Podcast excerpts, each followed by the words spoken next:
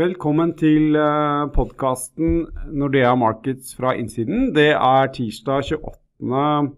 september, og vi har en uke bak oss med flere sentralbankmøter. og Kjetil Olsen, vår eminente sjefsøkonom. hva var det egentlig Norges Bank fant på forrige uke?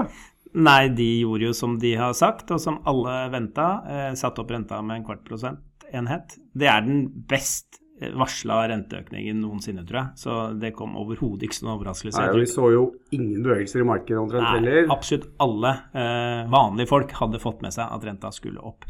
Um, så det var jo litt mer spenning kanskje rundt hva de sa om uh, renteutsiktene fremover. Uh, vi hadde jo varsla at de kom til å oppjustere denne rentebanen sin, og det gjorde de. Um, og det er fordi det hadde gått bedre enn venta i norsk økonomi. Uh, Arbeidsledigheten hadde kommet lenger ned. Eh, kronekursen hadde vært svakere. Så, så, det var heller ikke noe overraskelse. Men kanskje det jeg tok ut av rapporten som jeg la mest merke til, det var jo at de egentlig, altså analysen deres, viste at renta skulle gått opp fortere enn det de nå planlegger. Eh, så de holder litt tilbake. De eh, stoler ikke helt på modellen sin? Jo, jeg tror de stoler på modellen, men de, de, de sier at de er litt usikre på hvor, hvor hardt renta slår når de nå setter opp renta gradvis. Så det var argumentasjonen de brukte, i hvert fall til å liksom holde litt igjen. Men hvis du ser bare på, på de analysene de la fram, så, så, skulle jo egentlig renta vært satt opp med et halvt prosentpoeng allerede nå.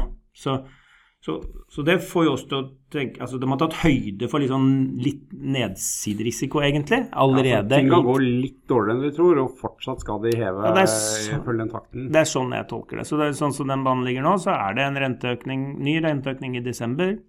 En ny en i mars neste år, en i juni.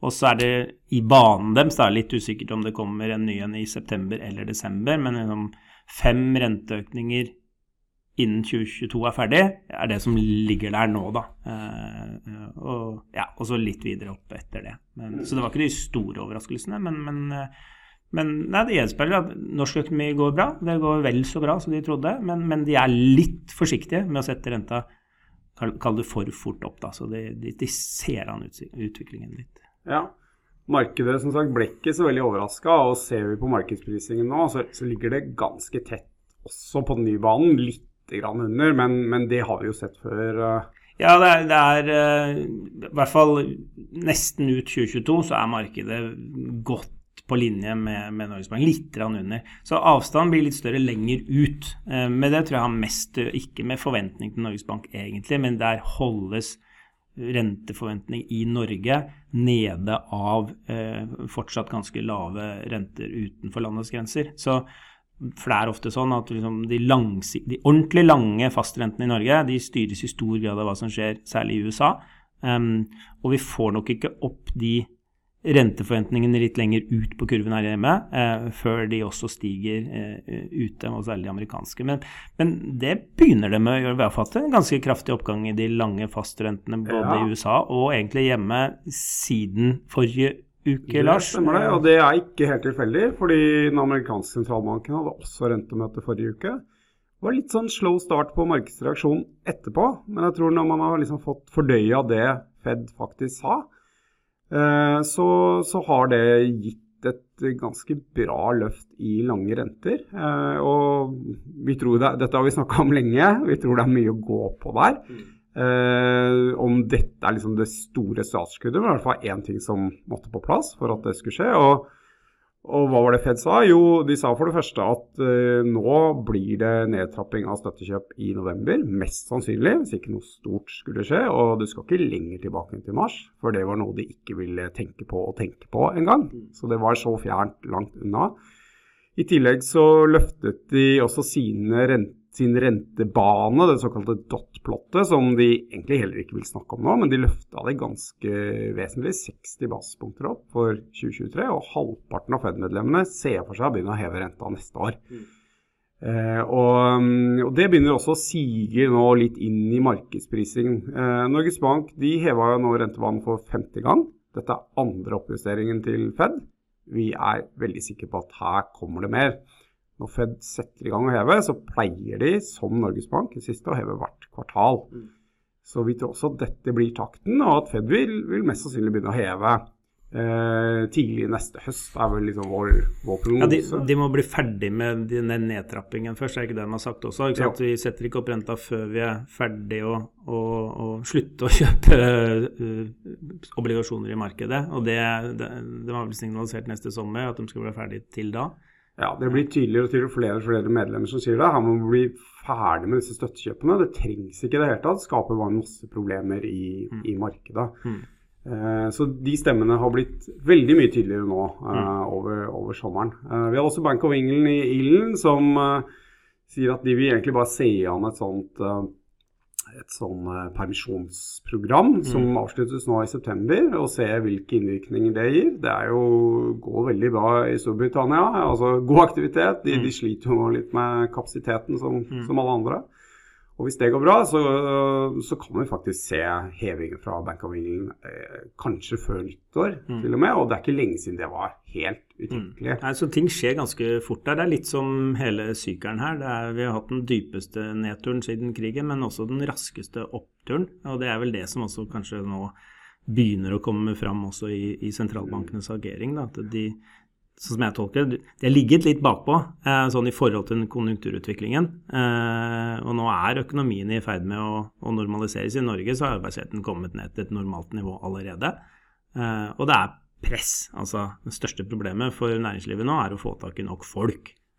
og, og det ser vi også egentlig i veldig mange land. Eh, mens rentene er da, bortsett fra Norge, da, som er på en kvart prosent, så er den null. og så det begynner liksom å bli tydeligere at rentenivået er nå på et feil sted i forhold til hvor økonomiene er. Um, så, Vi hører, vi hører jo fortsatt folk er litt sånn um, ikke bekymra, altså veldig opptatt av ja, men er ikke dette oppsvinget så skjørt, og nå faller jo momentet i oppsvinget litt ned, og uh, Hva sier du til Kjetil? Nei, jeg, sy jeg syns dette er den minst skjøre oppgangen noensinne. Uh, og det handler om naturen til denne krisen. Altså, det har vært en helsekrise.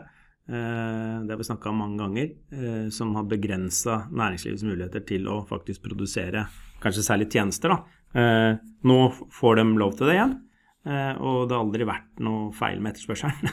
Eh, og gjennom krisen så har, og det er ikke bare i Norge, overalt så har husholdningene da ikke sant? De har ikke fått lov å bruke penger gjennom krisen, spart enormt mye penger, eh, som nå står klare til eh, å bli brukt. Eh, og så trenger vi egentlig ikke at de bruker den spare, spa, økte sparingen for å få økonomien tilbake. Det eneste du trenger, er en normalisering av atferd. Altså at de slutter å spare så enormt mye som de har gjort gjennom krisen.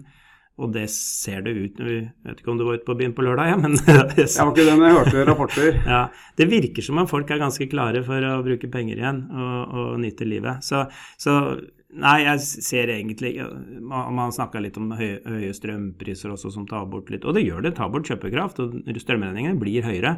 Men jeg tror det blir liksom bagateller altså, i forhold til den, den store driveren, som er bare normalisering av atferd. At man faktisk får lov til å bruke penger, altså av, får lov til å bruke den delen av inntekt man har lyst til å bruke.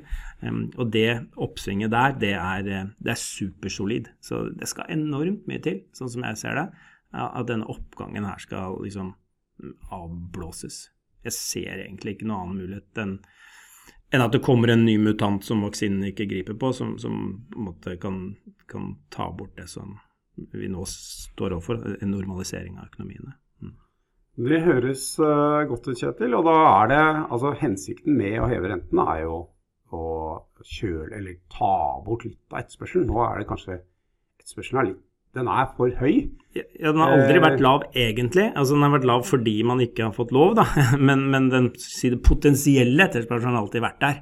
Eh, nå kommer den tilbake, og det store problemet nå er jo faktisk at man ikke klarer å møte den etterspørselen som er. Og det ser vi i marked etter marked, eh, og også i arbeidsmarkedet. At det er større etterspørsel etter folk enn det er folk som kan flyttes inn i de stillingene.